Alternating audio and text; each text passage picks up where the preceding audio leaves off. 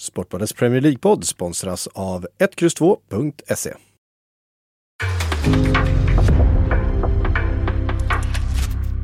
En podcast från Aftonbladet.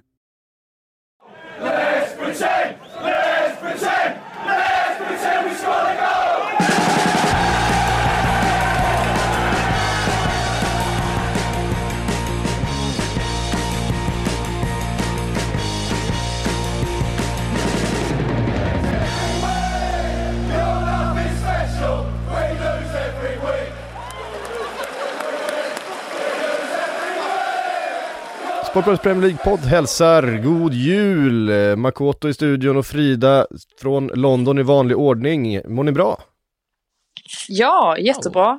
Lite så här eh, halvt i koma efter de här juldagarna. Det är ju mycket, mycket flängande blir det ju. Så är det. Eh, Och mycket mat.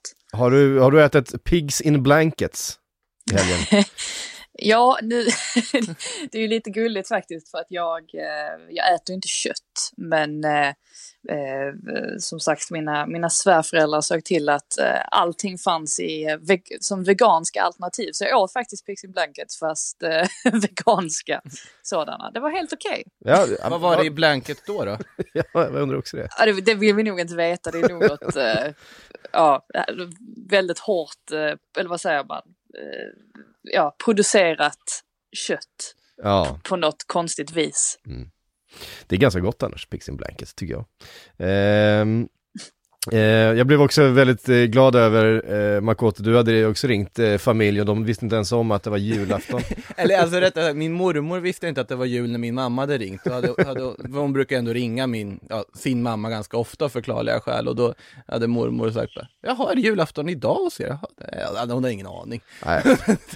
Det gjorde mig på så bra humör bara, för det det kändes som att det fanns en alternativ verklighet som, som fanns tillgänglig någonstans där borta. Jag brukar säga det att jag är väldigt tacksam att, eh, nu är även den svenska släkten, att det inte är så liksom överdrivet mycket folk. Att det, man kan oftast ha lugn och ro och faktiskt slappna av under julen. För det har jag förstått, alla kan inte göra det kanske när det Mm. Även om det såklart är trevligt oavsett.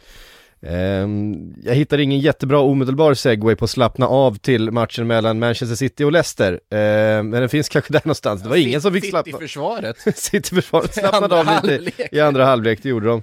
Ehm, Frida, det var en, eh, jag vet inte vad man ska kalla det här. Leicester är ju såklart väldigt påverkade, kanske de som har drabbats hårdast av covid de senaste veckorna. Vi kanske ska börja där egentligen med att vi hade tre inställda matcher igår. Ehm, det verkar vara eh, närmast ett lotteri eh, i vilka matcher som ställs in och vilka som ska spelas. Lagen själva verkar inte veta eh, förrän ganska sent in på matchstart.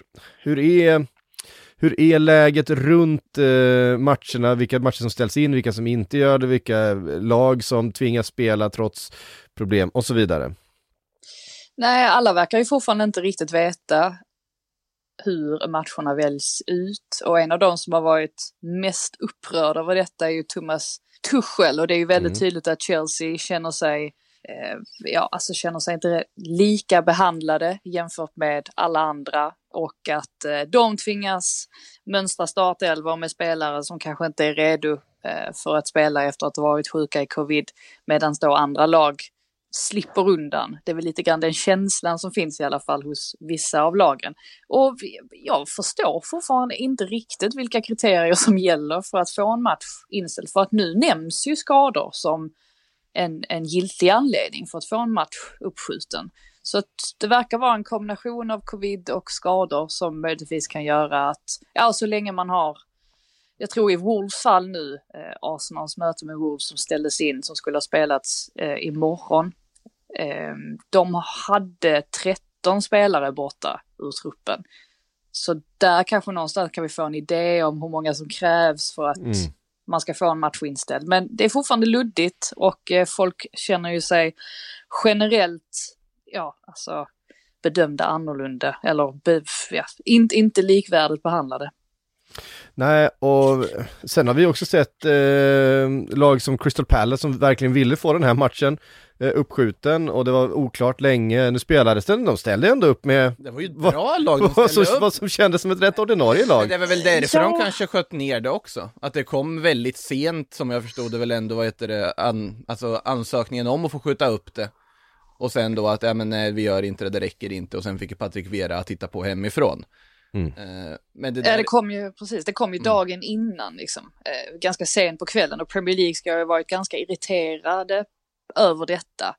Och ja men precis som ni säger, jag var också, jag trodde också att den startelvan skulle innehålla betydligt fler eller större bortfall än, än vad den faktiskt gjorde. Ja det var ju Vera som var, det var väl deras största tapp då. Ja, alltså i övrigt, alltså Guita är ju skadad liksom, eh, målvakten, men det är ju, det är ju inte covid. Men nu ska ju visserligen skador på något sätt också räknas in av någon anledning. Eh, det, var ju, det var ju en regel vi hade kunnat använda oss av förra säsongen, tänker vi Liverpool-supportrar.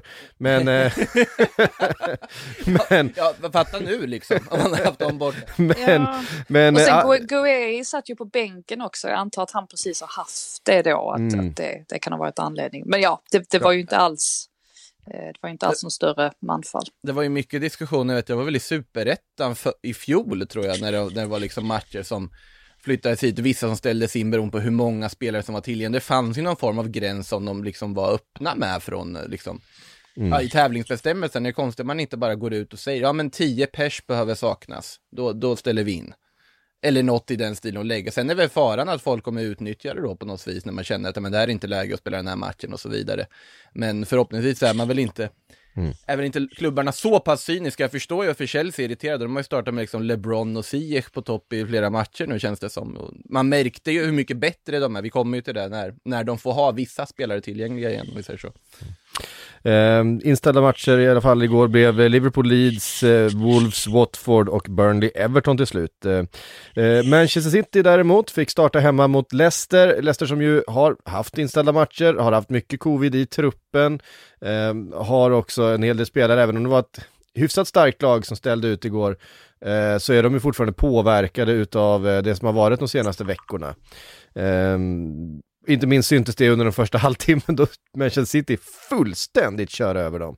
Det står 4-0 efter ja, 27-28 minuter någonting och det kändes rimligt att det stod 4-0 för att det var, det var sån total klasskillnad och de rann igenom gång på gång och de, de kombinerade sig igenom, de tog avslut från alla möjliga vinklar, De Bruyne var inne och styrde och ställde och fördelade boll, Raheem Sterling såg eh, ja, bättre ut än vad jag tyckte han har sett på, på väldigt länge och och då har man dessutom, om vi pratar nu om spelare, du vet man har svårt att få ihop lag och man spelar med liksom begränsade, där, då sitter City med, eh, med Foden och Grealish och så vidare på bänken.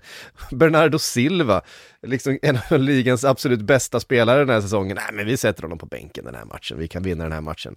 Med eh, stora siffror ändå, vilket man ju visar att man kunde.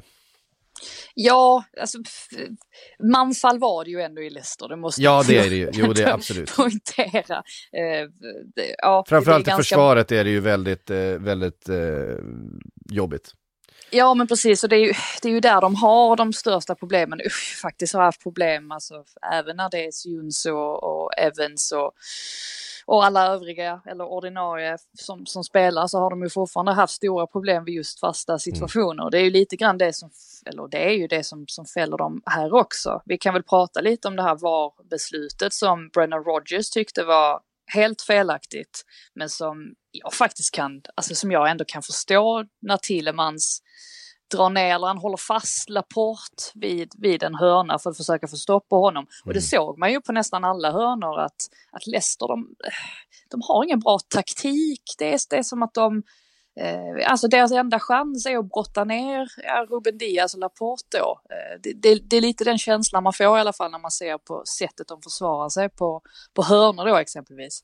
Och, eh, och jag tycker väl att det är ju spelförstörande att gå in på en spelare på det sättet. Alltså Tillemans tittade ju inte, han hade ju ingen aning om var bollen var. Hans enda uppgift var att tackla Laporte. Så att jag kan faktiskt tycka att det, att det är rätt eh, att blåsa straff i det läget. Jag tycker det är bra i alla fall att, att man uppmärksammar det. Ja, men rent känslomässigt så blir jag ändå så här, det, det är ju en situation som vi har sett flera stycken av de senaste veckorna, där det har dömts, både, både friats och dömts i, i olika eh, situationer. Det bara känns så hårt att de åker på den också. Ja, men- De får skylla sig själva, jag håller med om att det ska vara straff, jag håller med om att det är korrekt. Det bara kändes så, det kändes så otroligt hårt när de, när de redan är så fullständigt utspelade, så får de en sån där ändå en situation som det har varit eh, frågetecken runt eh, i, många andra, i många andra matcher den här senaste tiden. Fast det finns ju Eh, Men också... det, rätt, rätt ska vara rätt nå- någonstans i Och slutändan. det finns definitioner av livtag också, det är ju liksom, han, han hovar ju ner honom. Tycker jag, alltså det, det, Ja, det, är, en ja. sol, det är en solklar straff Nej. för mig. De måste jobba på det där i Då, Leicester. då går det mer att diskutera den andra straffen de får när det går att diskutera hur mycket kontakt det faktiskt är från Thielemans på Sterling där när han, men jag, Jag tycker, tycker, den att det är, jag tycker den är självklar jag också. tycker alltså. det är straff Ja. också, Ja. men jag tycker att de, de är ju ganska självklara båda två och det känns som att det, Mm. Och jag menar, vi har hyllat Juri Thielemans eh, mycket den här säsongen och han har sett fantastiskt bra ut i många matcher och eh, varit Leicesters bästa spelare eh, under stora perioder av den här säsongen. Men, men försvarsmässigt är han ju inte, eh, det är ju inte hans styrka om man säger så. ska inte Jag behöva menar, hamna i de han- situationerna. det är ju inte han, det är, det är ju inte han som ska liksom tacklas i straffområdet. Eh, han ska stå och fördela boll eh, runt mittcirkeln liksom. Eh, det, det är ju det han ska göra. Men det är systemfel att han hamnar i de situationerna, det är det som är problemet, han ska inte vara där. Mm. Det ska vara någon annan Men det är så, jag tycker det är så många gånger man tänker att och den spelaren ska inte vara där heller. Att det verkar ju vara någonting, alltså ett helhetsproblem i Leicester. Ja. Som jag har gjort nu att de, vad är det, de har släppt in 12 mål på fasta situationer, flest av alla, eller mest, mest Mm. insläppta mål av alla lag i, i ligan. Det säger ju en del att lyckas man rätta till det problemet, något som uppenbarligen är svårare än, än, eh, ja, enklare sagt än gjort. Men Mm. skulle man rätta till det problemet då kommer man i alla fall en bit på Ja. vägen. Ja, och det var kanske fel, eh, fel match att göra det i. Det, det är ju, alltså Manchester City är ju fruktansvärt bra just nu. De är ju dessutom kanske laget som har påverkats minst utav hela, hela covid. Ehm, de har ju inte haft något större utbrott i den, i den truppen. Någon enstaka spelare som de har lyckats De, de, isolera. har ju, de har ju klarat sig undan det och hoppas att de fortsätter göra det också. Men alltså, det jag undrar är, är Pep Guardiola nöjd med det här? Jag tror- framförallt inte han är nöjd med att de blev så, ehm, alltså hamnade på hälarna i andra halvlek. Nej. Spela, spelade som om den här matchen var avgjord. Därför att det måste man säga, vi, vi kritiserade Madison en del i början av den här säsongen, eller när han var precis var tillbaka från skadan och han såg trög och han, han försökte se på mycket som misslyckades och han kostade nästan mer än han smakade där under ett par matcher men men kvaliteten på en del saker han gör i den här matchen, eh, i de här omställningslägena som blir mål är ju spektakulär. Han är ju en, han är en otrolig eh, fotbollsspelare när han får det att stämma och hans höjd är ju, är ju enormt hög. Ja, alltså fullständigt fenomenal. Han låg ju bakom allt Ja. i stort sett. Och just det här att de, de straffar City på, på omställningar, det måste ju oroa Pep Mm. ändå. Eh, för det, för det såg ut att gå så himla enkelt och, och oftast var det ju Madison då som låg bakom det och Ianacho också. Um, och sen så Luckman då som, som gör mål dessutom, alltså där när de såg ut att kunna knappa in. Man hoppade ju på en sån där sensationell upphämtning i alla fall, men så återigen så, så brister det ju på fasta situationer och det är det som gör att man, man tappar matchen igen. Men de har ju ändå, alltså man tänker, skulle man gå ut på marknaden och försöka köpa en spelare som James Madison, alltså nu när han är tillbaka i, i eller han är formstark igen, ja, det, det krävs ju ganska mycket pengar så att de offensiva spelarna i Leicester är ju fortfarande högkvalitativa sådana och det ser Verkligen. vi ju många matcher också. Men problemet är ju då att de, de brister bakåt. Man kan nog bara få till liksom båda bitarna. Det är klart att de ska kunna liksom klättra upp och, och vara med där uppe igen som, som de ju var, eller som de har varit de senaste säsongerna. Å andra sidan är det kanske så att man har lite för höga förväntningar på, på Leicester. Det finns ju den aspekten också, just eftersom att de har sett så bra ut nu de senaste säsongerna och de har vunnit FA-cupen och, och sådär. Förväntningarna höjs ju automatiskt. Jag tyckte det, det har känts lite som det, av någon anledning, varenda Leicester-match jag har varit på den här säsongen har slutat med förlust, alltså hemmamatch. Och eh, det har varit burop i, i halvtid och sådär. Och då undrar man ju lite grann om det kanske inte är så att man, ja, man har för höga förväntningar. Men med det sagt så har de ju de här spelarna i laget som ändå kan göra skillnaden. Så att man är lite, man är lite splittrad ändå. Alltså Ja. hur, mycket ska vi, hur mycket ska vi begära? Ja, men samtidigt, de har snubblat verkligen på mållinjen två säsonger i rad för att spela Champions League, alltså för att ta en topp fyra eh, placering i den här ligan, i, in this day and age, eh, vilket är en otrolig överprestation ändå får man säga utav Leicester vilket i sin tur då går tillbaka till överprestationen när de vann hela ligan. De har ju på något sätt, eh, det känns som att man har, de har ändå förtjänat att, att, att ställa de här kraven på det här laget och på, även fast man rent rationellt eh, när man tittar på det inser att ja, men vi kan inte ha samma krav på, på Leicester som vi har på så här, Arsenal till exempel.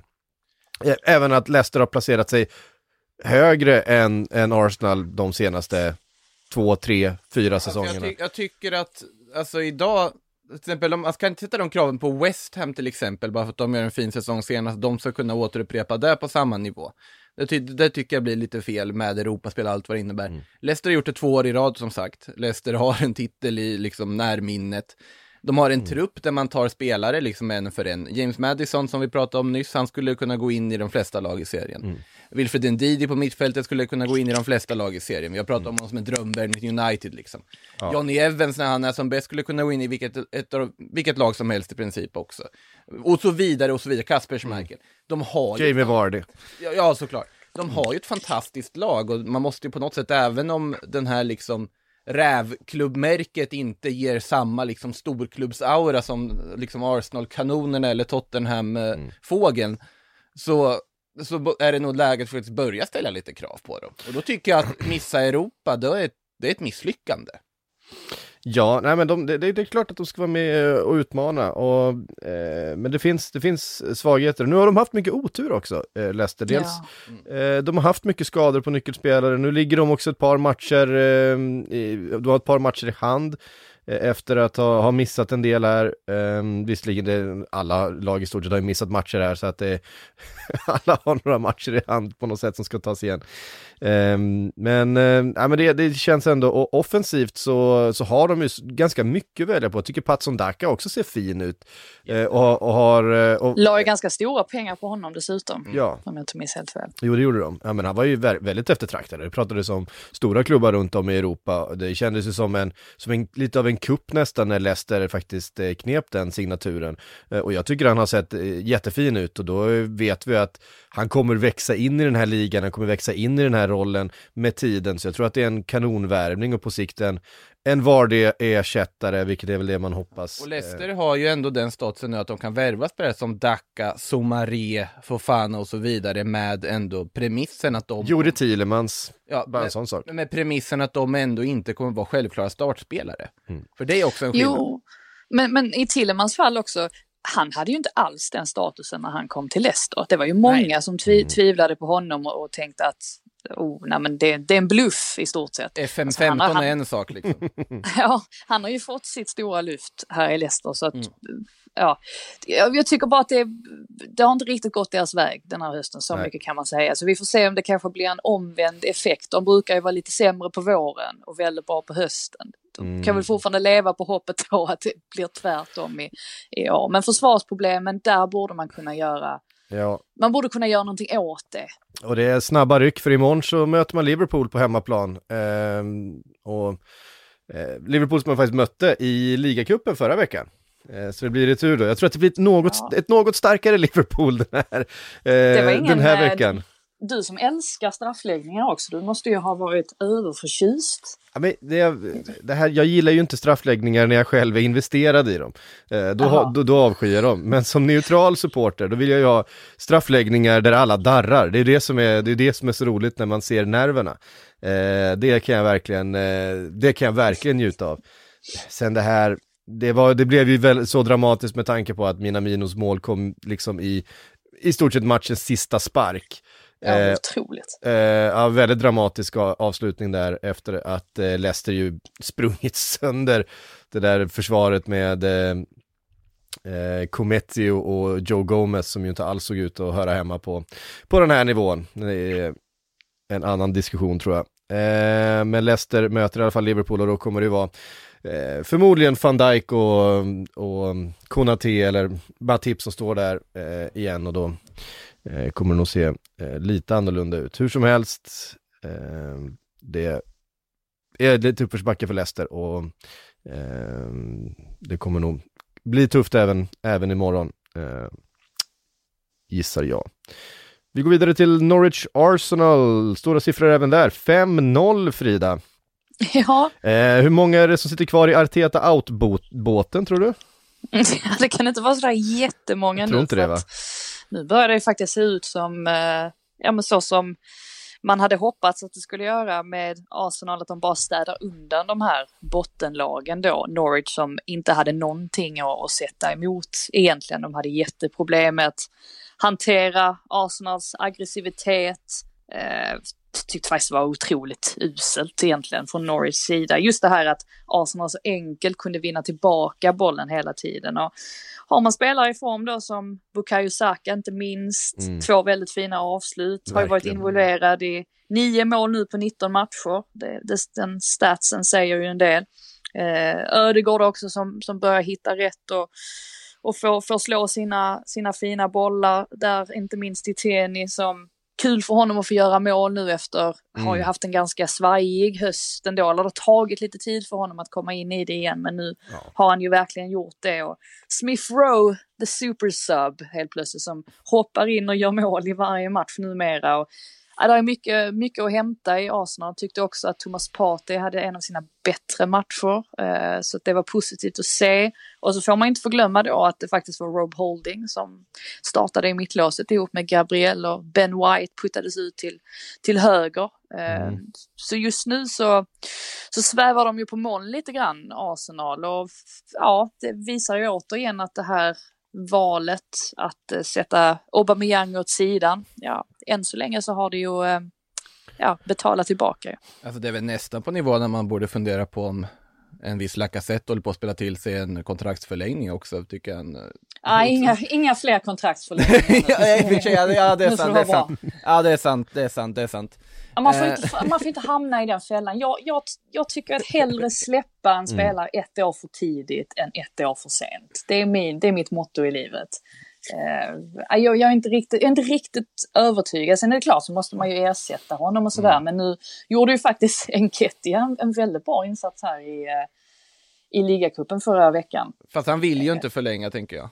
Nej, men, men jag tror väl att han kanske vill förlänga om det är så att, att han får eh, att han blir lovad speltid. Det är, väl där, det är väl det det handlar om egentligen, att han vill ju såklart spela fotboll. Ehm, så att, ja, vi får väl se vad som händer. Men jag, jag är nog, eh, jag, jag spar mig nog lite från att ge Lacazette en kontraktsförlängning ändå. För som sagt, det, den fällan har de gått i så många gånger att, att man helst låter bli att göra det igen. Mm. Men Vi, vi kastar ändå in en fråga här, för vi har fått ehm, ifrån, eh, nu ska vi se här så att jag hi- hittar tillbaks den. Eh, vi har fått eh, frågan ifrån, eh, herregud vad svår den var att hitta plötsligt. Ehm, Nej vi skiter i det, jag hittar inte den. den, den försvann bland mina, mina så, flikar där. Så många frågor har du väl inte? Eller, Nej men här är den, vi, vi, vi, det var Bob, Bobby som hade ställt den, eh, det var på Twitter här. Vem är lösningen på Arsenals eh, number nine problem? Vi ska ju då eh, spela in ett, en sillypodd lite senare idag också, så att vi, eh, vi tar med oss den därifrån då, den här diskussionen som vi precis hade. Eh, det var det jag tänkte, att vi skulle knyta ihop det lite här, så att vi, vi bollar den vidare till nästa podd. Vem ska lösa nummer nio Vi positionen? bollar den till oss själva. Vi Men... bollar den till oss själva lite, en, någon timme i framtiden här.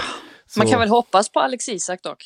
Det kan vi göra. Bara, bara, stick, bara sticka in. Vi, sti- vi sticker in den. Vi, Dusan vi, dyk, smyger jag in ett namn då, så kan vi diskutera vidare ja, vi dyker ner i den eh, lite längre fram under, under dagen här.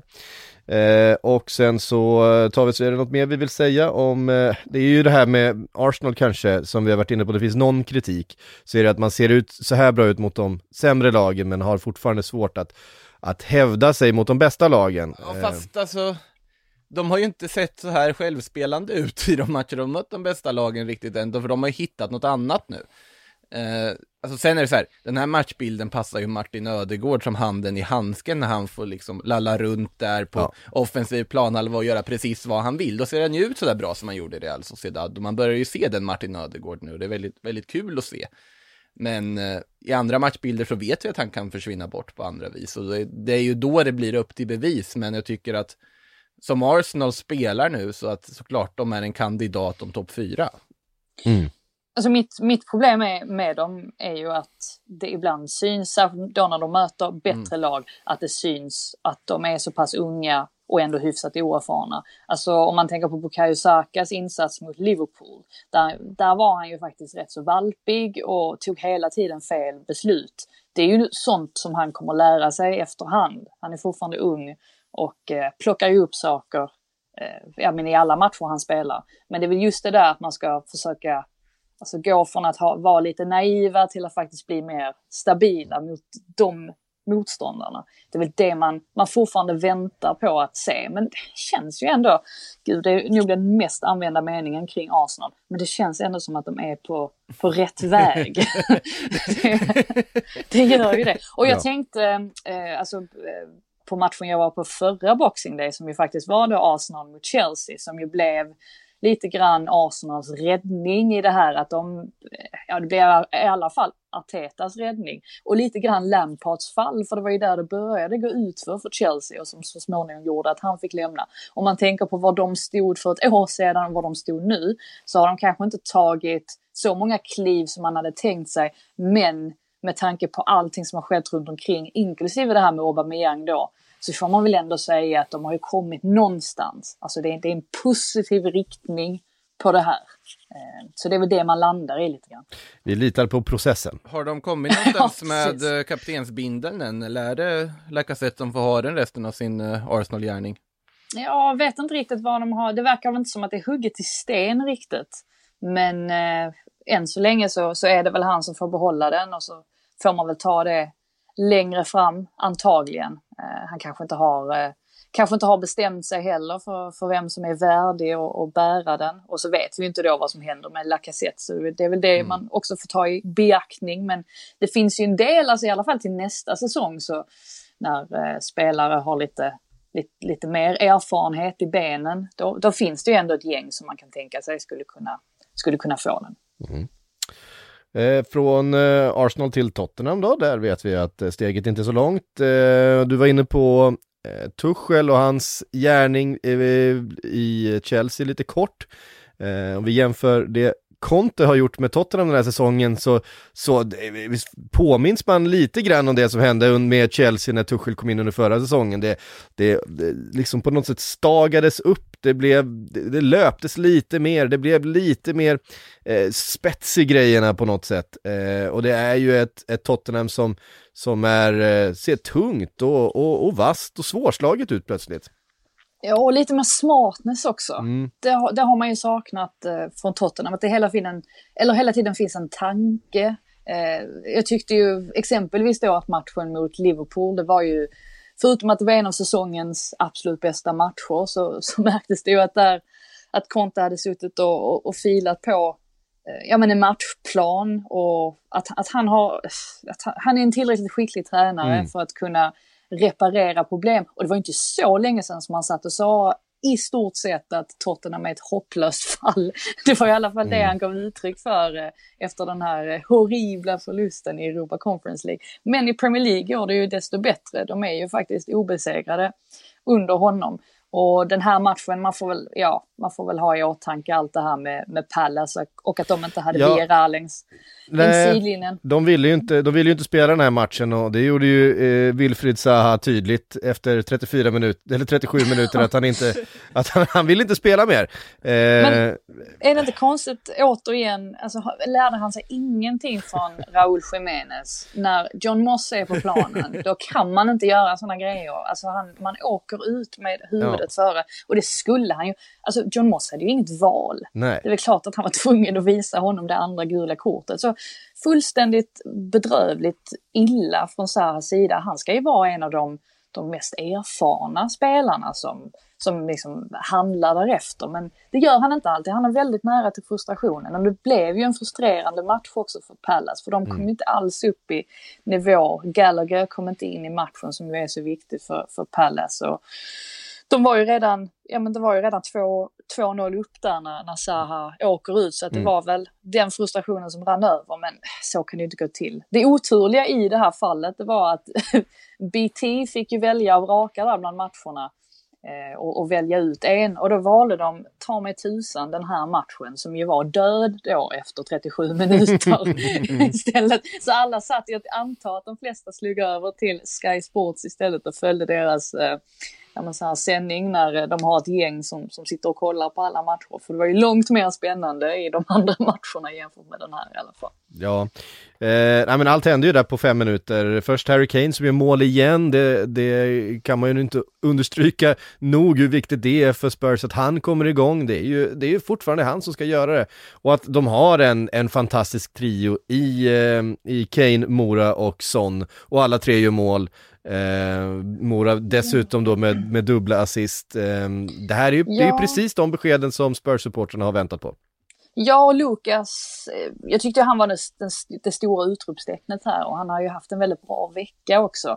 Eh, mycket bra, just eh, alltså, avslutet där till, till 2-0 målet var ju också väldigt fint och väldigt fin kombinationsspel med eh, Emerson som jag väl inte riktigt har förstått mig på. Eh, jag, jag har inte fattat vad han är för en typ av spelare och här spelade han Jag är inte ju... säker på att Emerson själv vet vad han är för slags spelare. Nej, men här kom han ju verkligen till sin rätt. Jag tyckte näst, alltså, ja, jag vågar nog påstå att det kanske var hans bästa insats i, i Tottenham ändå. Eh, vä väldigt bra, väldigt involverad, involverad i båda målen där först och främst i, i första halvleken. Så att, eh, nej, det var, var mycket, mycket bra att ta av eh, för Tottenhams del. Ingenting bra att ta med sig för Crystal Palace. Angående Emerson går det ju att säga att alltså, jag tyckte ju genuint synd om honom i somras. För att han, han hade ju varit i Betis, gjort det jättebra, alltså offensivt liksom duktig högerback, det var ju, Beijerin kom in för att ersätta honom liksom. Eh, han ville verkligen spela för Barcelona, Barcelona behövde en högerback, han kommer tillbaka, sen har Barcelona det ställt som de har det.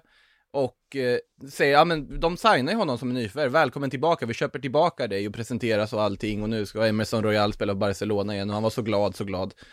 Och sen så skeppas han till Tottenham bakvägen för att de ska försöka finansiera ett Lionel Messi-kontrakt de aldrig lyckades finansiera. Eh, så att jag hoppas att det går riktigt, riktigt bra för honom faktiskt, så att han verkligen får, får, någon, får någonting ut av den här flytten. Och det var ju, det är ju ett väldigt positivt tecken den här matchen nu här på Boxing Day i alla fall. Mm. Jag lyssnade på en brasiliansk journalist som eh, erkänner att även i Brasilien så är man väldigt förvirrad över Emerson Royal. Eh, eftersom han inte liknar en, en brasiliansk ytterback. Nej, Eh, han, Nej, är, han, är, alltså, han är alldeles för defensiv för det. Eh, han, han är liksom defensivt påslagen och då blir man då, blir man, då, då blir man jätteförvirrad i Brasilien, för så, det ska ju inte en ytterback vara. Det, en, en brasiliansk ytterback ska ju fullständigt skita i defensiven. för, Ja, för, men för, för 20, ja, men 15-20 år sedan var han ju en modern ytterback. nu, nu, nu är man inte det helt, helt plötsligt. Nej. Eh, nej men, men detta var ju, jag vet inte om det är så att Conte kan ha sagt till honom att försöka vara ännu mer involverad framåt. Eh, för det har han ju varit nu och han är ju uppenbarligen en, en, en skicklig spelare så tillvida att alltså, de passningarna han slår här, det är ju väldigt hög kvalitet på, på dem. Så att eh, jag tycker det, det bådar gott för hans, för hans framtid också och det märks ju. Han har ju förtroende också eh, från Conte. Det Åh, jag herregud, undrar, han är bara 22 år gammal, jag menar, han är född 99, det är ju, det är ju en spelare som är fortfarande på väg uppåt eh, och, och utvecklas liksom. Det här är ju en, eh, det är, en- det är en kanonspelare tycker jag. Alltså jag, det jag undrar är när han började branda Royal istället, för att det har inte han gjort hela tiden. Det är ganska nyligen som plötsligt har blivit Emerson Royal istället för bara Emerson. Eh, det, food for thought. Ja, men det är klart han måste branda Royal. Eh, 3-0 till Tottenham då som ju eh, klättrar många- i tabellen. Ja, de har ju så många matcher eh, eh, till hands, eller vad säger man? Mm. Att man vet ju inte riktigt, ja, vad är det, tre matcher jämfört med Arsenal? Och så ligger de väl sex poäng bakom. Mm. Så att, eh, ja, man, eh, man, man drar sig för att dra några slutsatser av det just nu. Man, man väntar gärna lite. Sportbladets Premier League-podd är sponsrat den här veckan utav 1X2.se och med i vanlig ordning har vi Andreas Nord, välkommen. Tackar, tackar Patrik. Trevligt att vara här återigen. Ja, ehm, som ni säkert vet för det här laget så är 1X2.se en sajt där man kan gå för att få tips och rek för spel, men också tävla lite tillsammans med eh, oss på Sportbladet, eller hur? Ja, men precis. Vi har den här tävlingen där man kan vinna en drömresa värd 10 000 kronor och Eh, varje vecka så tävlar vi även ut matchtröjor och halsdukar så man kan välja till just sitt eget favoritlag. Så att eh, man går in på vår hemsida, 122.se, gissar resultatet i lite matcher, besvarar en utslagsfråga så är man med och tävlar och det är ju helt kostnadsfritt ska sägas. Mm. Och eh, med tanke på att ni är en eh, speltipssajt så har du säkert ett speltips också till våra Premier League-lyssnare. Det har jag, det har jag. Vi rekade ju Tottenham här senast mot Crystal Palace och det gick ju bra så jag tänkte varför inte fortsätta på Tottenham-temat. Jag tyckte de eh, stod för en ganska så bra insats där mot Crystal Palace även om eh, Zaha drog ju rött kort för, för, för Palace ganska omgående där i mitten på första halvlek så behövde inte ödsla så mycket energi. Eh, möter ju Southampton borta nu som å andra sidan fick kriga ordentligt i sin seger mot West Ham med 3-2 och kommer spela Tottenham till 2-10 gånger pengarna. Ja, där hör ni det. Gå in på 1X2.se för fler speltips och för tävlingen. Eh, ett lag som däremot har halkat lite i tabellen är West Ham. Igår blev det en ny förlust, eh, den här gången på hemmaplan mot Southampton. Eh, trots att ehm, Michel Antonio var tillbaks i målprotokollet, han har ju haft en liten torka under höstvintern här.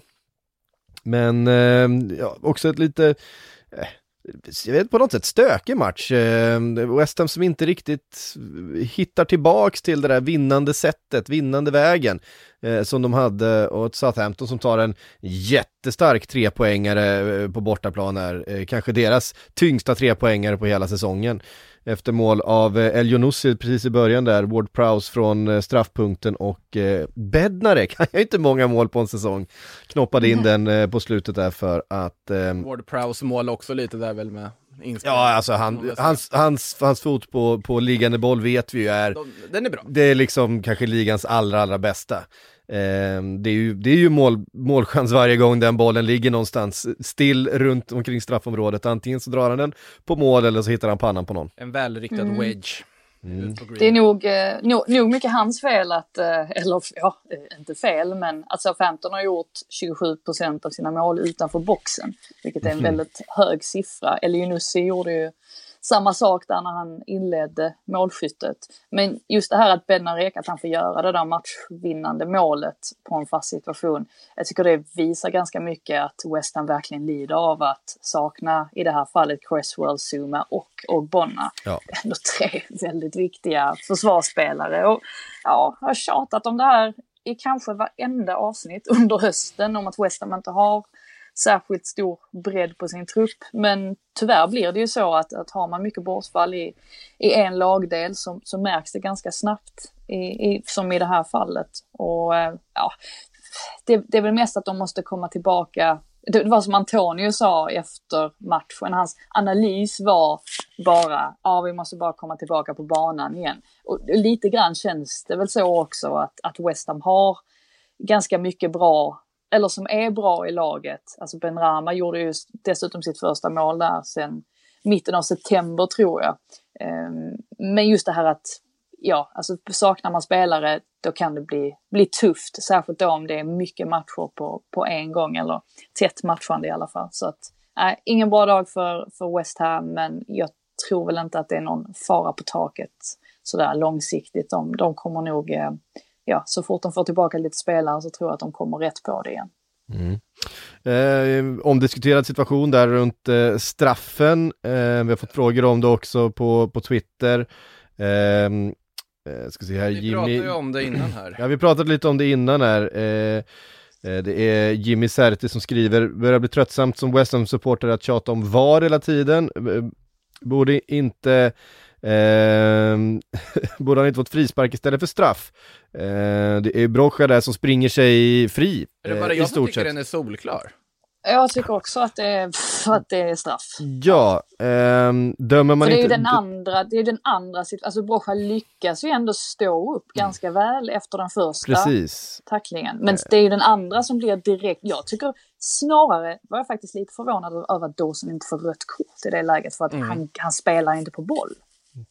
Nej, eh, för uh, så dömer man inte där situationen börjar. Uh, nej, inte längre. Uh, följer situationen med in i straffområdet så, uh, så kan döm domaren döma straff. I det här läget så tycker jag att det känns som två olika situationer. Först en knuff och sen en tackling. Ja. och att i knuffen får han då vad heter det? fördel. Fördel utav domaren. Eh, och i andra situationen, sen är det ju märkligt att Kevin Friend inte pekar på straffpunkten direkt, eller han pekar ju på hörna först. Och det, det, det tycker jag man kan ifrågasätta hur, hur, hur, Kevin Friend kommer fram till att det där är en hörna. Eh, men, eh, men det gör han i alla fall, och eh, där kliver VAR in och eh, straffen är nog korrekt, det tycker jag också. Ja, alltså, det spelar ju ingen roll hur Dawson hamnar i läget. Han kan liksom, han snubblar ju in i Mm. Brocha liksom, såklart. Han försöker inte dra ner honom där. Det spelar väl ingen roll. För han drar ju fortfarande ner honom helt fri liksom. Så jag är, jag är mer inne på Fridas spår där, att eh, snarare att man kan fråga sig varför det inte är ett rött kort. Ja, jag, man, man vet ju aldrig med domsluten i Nej, nu för så- tiden. det- Men, jag, men jag blev nog, eh, jag lutade nog mer åt att det var så än att det skulle ha varit en frispark. Alltså Mm. så, så. Och sen kanske ska nämna någonting om just Southampton och Armando Brocha inte minst som ju faktiskt ser bättre och bättre ut för varje match. Återigen ett sånt där Chelsea-lån eh, som fall, faller väl ut. Såklart. Eh, Såklart det. tyckte att han var, att han var väldigt bra i den här matchen. Eh, inblandad i, i allt, gjorde livet väldigt, väldigt surt för, för West Hams försvar. Så att eh, inte jätteförvånad över att det är han som, som ligger bakom den situationen. Nej. Det, är, väldigt starkt att han verkligen trampar ifrån där i, i den situationen. Det, var, det är imponerande. Så eh, stark eh, i kroppen eh, i full fart, det, det är inte lätt. Han har gjort sin obligatoriska år i Vitesse också. jag visste inte att han spelade för albanska landslaget, det var nytt för mig faktiskt. Jo, Ja. han är ju född och uppvuxen i England, Mm. men valde Albanien. Eh, nej, men så är det väl, det är väl eh, det albanska landslaget har väl eh, rätt många eh, ur det spåran runt om i Europa. Eh, sådär. Vi tar oss vidare därifrån då till eh, matchen mellan Aston Villa och Chelsea. 1-3 slutade den efter eh, att eh, Reece James inlett målskyttet för Aston Villa. Vad snygg nick. Ja, det var en, eh, det är, det är sådär, självmål är alltid de snyggaste. Det, hade man gjort det i offensivt mål så hade vi ju aldrig slutat prata om det. Ehm, Och Patrik Syk hade kanske inte gått om mig i fantasy för att det hade varit åt andra hållet. En annan exakt, jag, Ja, jag, jag krossade Makoto i fantasy i helgen. Oj, Ehm, det, det är mörkt. riktigt, riktigt stark gång, men jag spelade free hit också. ah, du, att, la- du gör det där, okej. Annars, ja men herregud, en sån här Ja, omgång, en sån här omgång. Ja, I och för sig Liverpool ja. Ja, måste man ju, måste man ju göra. Eh, noterbart tycker jag att Romelu Lukaku var tillbaks och såg eh, matchavgörande ut och vi har ju varit inne på det att det Chelsea har saknat den senaste tiden är ju precis en, en referenspunkt längst fram som kan avgöra fotbollsmatcher och, och stoppa in den här bollen i mål och det, det kan han. Eh, inte minst då jättefint mål. Det jag gillar med Lukaku i den situationen är att det första han gör är att han söker upp Mings och tar den, den kontakten fysiskt. Det är inte många, det är inte många forwards som tänker att ah, vi ska söka upp Mings eh, och ta den närkontakten före bollen kommer.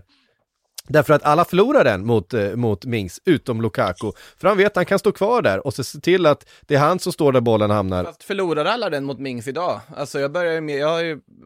Ja, rent fysiskt. Det är, Jo, fysiskt, däremot, ja. där, däremot så kan man nog springa ifrån honom eh, och sådär. Men, men just i den där situationen i en, eh, i en luftduell, att, att först kliva in på kropp mot, eh, mot Mings och göra det med sån övertygelse som Lukaku gör och bara äga den ytan. Eh, det har ju inte Chelsea någon annan forward som kan göra om man säger så. Nej, och det var ju inte, det var ju inte ens tänkt att han skulle spela så här mycket som han gjorde. Eh, 45 minuter. Eh, medicinska teamet hade avrått Tuchel från att göra det, men han hade ju inte riktigt något val där i paus för att han insåg ju att Alltså Aston Villa spelar ju med sin julgransuppställning som de ju faktiskt eh, brukar göra, vilket innebär att då blir det väldigt mycket ytor på kanterna för, för motståndarna och eh, Chelsea utnyttjade inte det tillräckligt väl så att då bestämde Tuchel sig ju helt, helt regelrätt att ta av eh, Chalobah, sätta in Lukaku som nia, putta ut Christian Pulisic på kanten och flytta ner Reece James i, i backlinjen. Och det blev ju, man såg ju effekten egentligen omedelbart. Eller det blev ju för tufft för Villa att eh, försvara sig när de verkligen såg till att, att utnyttja de, de ytorna. Och jag håller med om Lukaku. Eh, tycker att ja, då hans rörelsemönster är fantastiskt bra på, på, eh, på målet. Och sen då när han får med sig den här straffen också att att han, han visar en sån oerhörd styrka.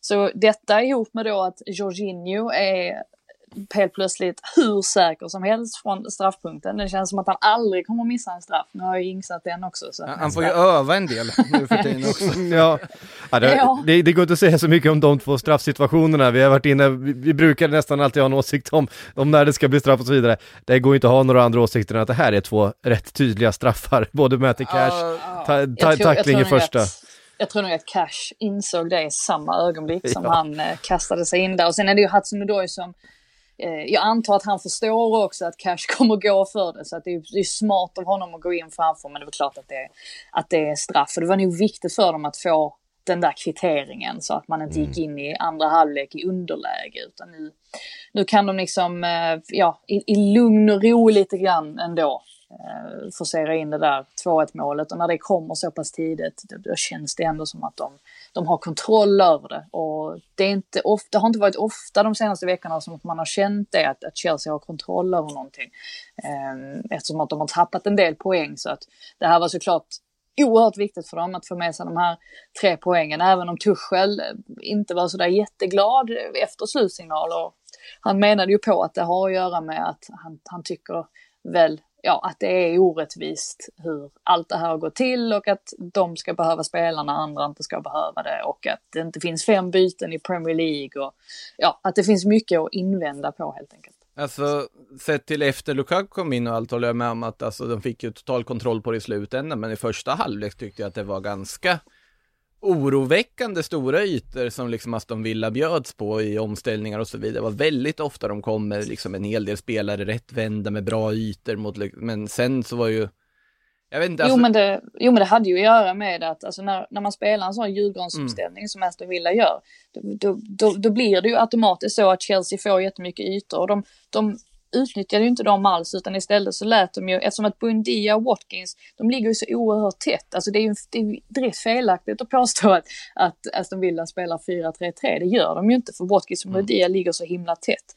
Och det var ju det som skapade oreda i Chelsea. Men skillnaden mellan Thomas Tuchel och Frank Lampard då, no offense Frank, men det är ju att Tuchel kan se de här sakerna, eh, identifiera dem och, och sen så åtgärda problemen. Och det har man sett väldigt ofta i Chelsea. Så att just eftersom att de fick in det där kvitteringsmålet så var ju det väldigt viktigt för att de fick större möjligheter att kunna förändra det till den andra halvleken. Och det gjorde de. Så att matchcoachningen här var det ju absolut ingenting, inget fel på. Ja, men med lite mer skicklighet så hade det kunnat bli ett värre läge, tänker jag, att de vill slösa ändå bort ganska många av de här situationerna som dyker upp. Känner. Ja, det är, tur. Det, är, det är ju tur för dem att de fick ha Thiago, att Chelsea fick ha Thiago Silva på planen ett tag i alla fall. Lite oroväckande att han klev av för att han, han är ju oerhört viktig för dem. Eh, deras absolut viktigaste eh, mittback. Det spelar ingen roll hur bra Rydiger har varit. Jag tycker Silva är, är den klart överlägset viktigaste. Eh, så att lite oroväckande att han fick kliva av. Men eh, absolut, första halvlek såg det inte, såg det inte speciellt säkert ut. Bättre i andra halvlek. Eh, en match kvar eh, hade vi igår. Eh, vi har ju en match till under eh, omgången. Den spelas ikväll mellan Manchester United och Newcastle. Eh, den får vi väl lov att eh, återkomma till om det händer något spektakulärt i. Men Brighton besegrade Brentford med 2-0 och, Ja, och omgångens mål. Det första.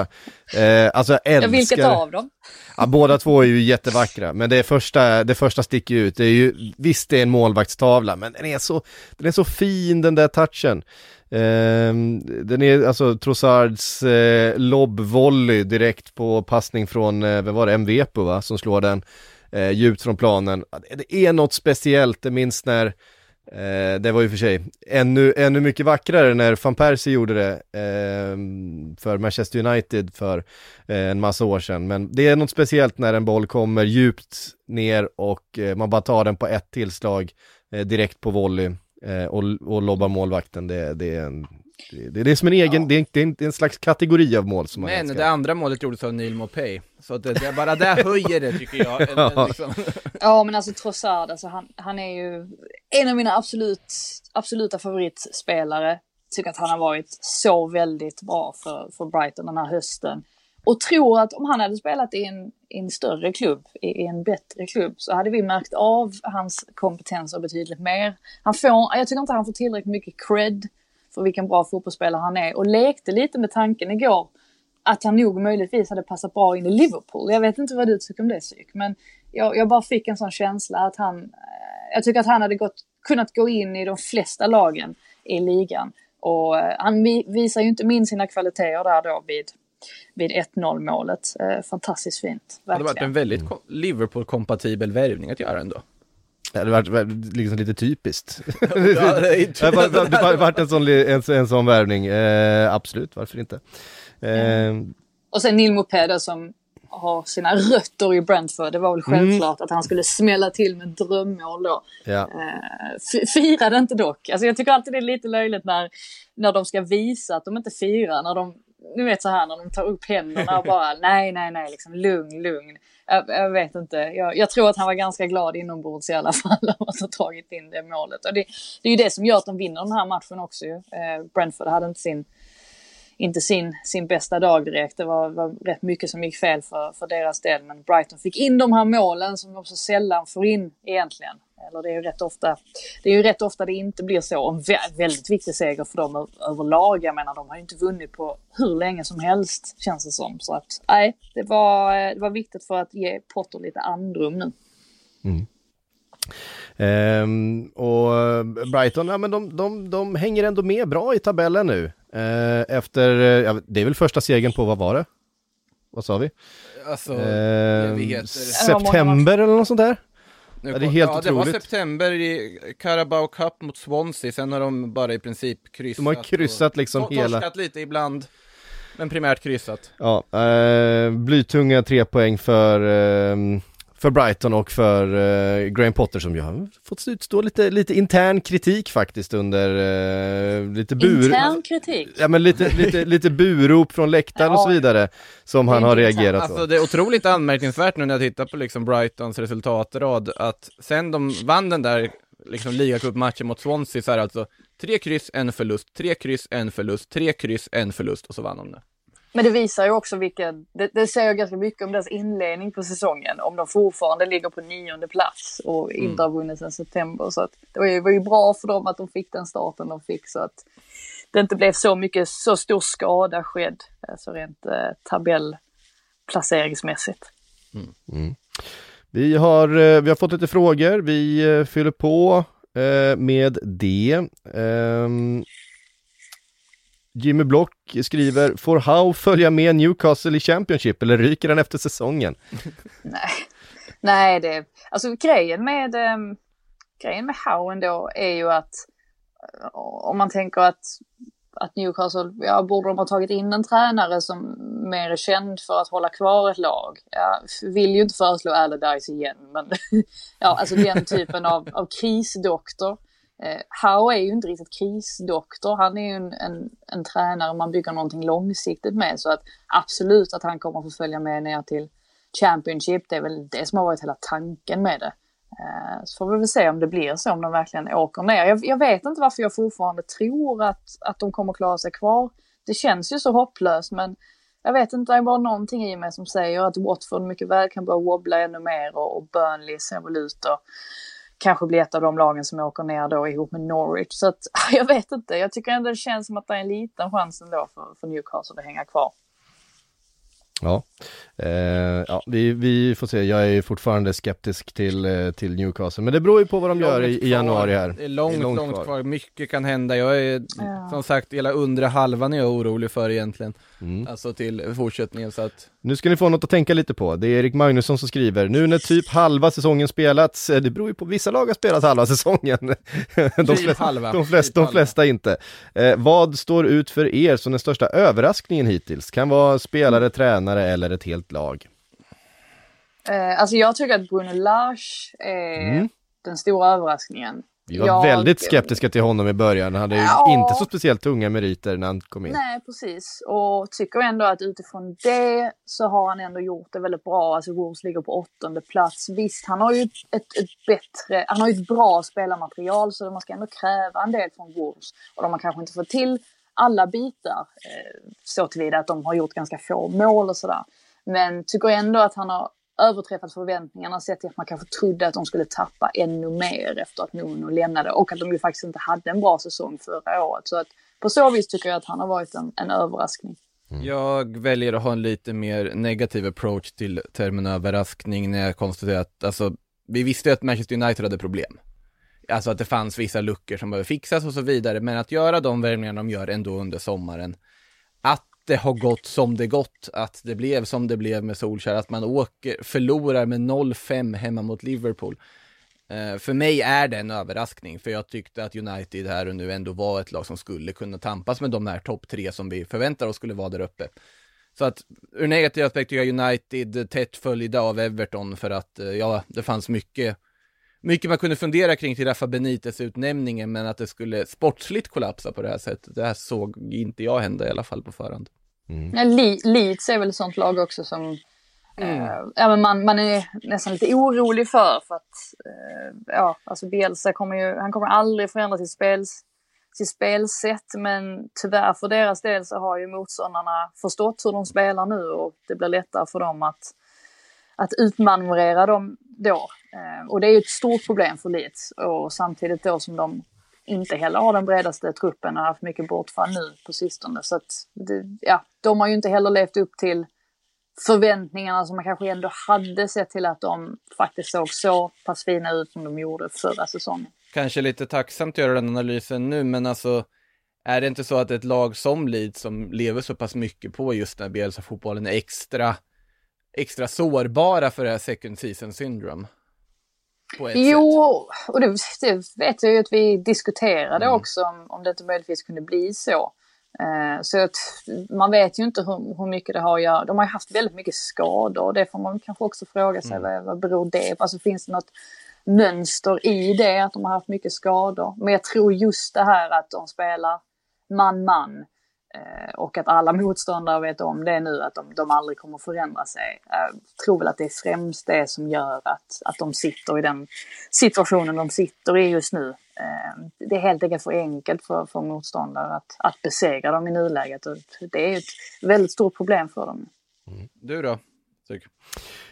Um, nej, men jag skulle nog ändå säga att det är uh, Brentford uh, som är min största överraskning. Um, vi har ju sett det några gånger de senaste åren, eh, lag som kommer upp och, och har ett, eh, liksom, har byggt ett spel, ett lag i, i Championship och kommer med lite fart upp liksom. Så att det borde kanske inte överraska, men jag, jag tycker ändå det, det, gör det. En spelare som Ivan Tony som eh, jag inte visste speciellt mycket om före den här säsongen. Eh, har kommit in och visat att han verkligen håller Premier League-klass. Eh, eh, även om det blev förlust mot Brighton igår så har de ändå visat, tycker jag, den här säsongen att eh, ehm, de, de, har Premier League i sig och det, det, det imponerar. Mm. Det är alltid de här lagen man inte är van att se uppe. Det är ju en annan sak när så att säga, Eh, West Brom studsar upp och ner, fram och tillbaka så att de kan se bra ut, att de kan ha med sig spelare med ganska mycket Premier League-erfarenhet tillbaks upp från Championship efter att ha spelat många säsonger. Eh, lite som när, när Newcastle kom upp förra gången eller när, när Wolves kom tillbaks till exempel. Eh, nu var ju Wolves liksom en lite annan sak också eftersom de hade ett sånt, eh, en, en, enorm investering i ryggen och, och eh, hela Jorge Mendes-projektet liksom eh, med klasspelare, men jag är väldigt imponerad utav, utav Brentford. Eh, jag, var, jag var lite skeptisk inför. Tyckte att, det, tyckte att det var lite intressant igår, alltså just när eh, Brighton och Brentford möttes och mm. Tony Bloom satt ju på läktaren. Jag tror inte att Matthew Benham var där, men de två är ju gamla kollegor, alltså samma bakgrund i alla fall och, och tycker ju också att både Brighton och, och Brentford påmin, påminner väldigt mycket om varandra. Alltså, mm hur de, så tillvida hur de styrs.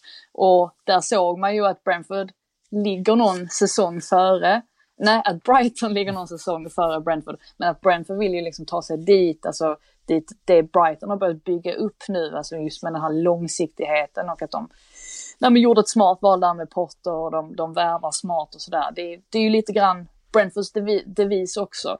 Ehm, så att det visar ju, eller ja, jag tror ju att de kommer hänga kvar i Premier League, alltså x antal år framöver nu och försöka då bygga vidare på lite samma modell då som Brighton. Så eh, ja, alltså har lyckats göra. Det lär ju ha ringt ett samtal från Brentford, eh, alltså cheferiet där till eh, Tony med Hej Tony, vad, vad gjorde ni, vad har ni gjort rätt och vad har du för tips? Det känns ju som ett sånt samtal som har ringts någon gång i alla fall under processen.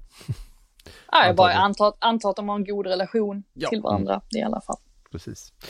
Hörde ni, det var allt som eh, vi hann med från Sportbladets Premier League-podd eh, den här måndagen. Vi ska ta en bensträckare, sen så ska vi spela in Sillypodden också.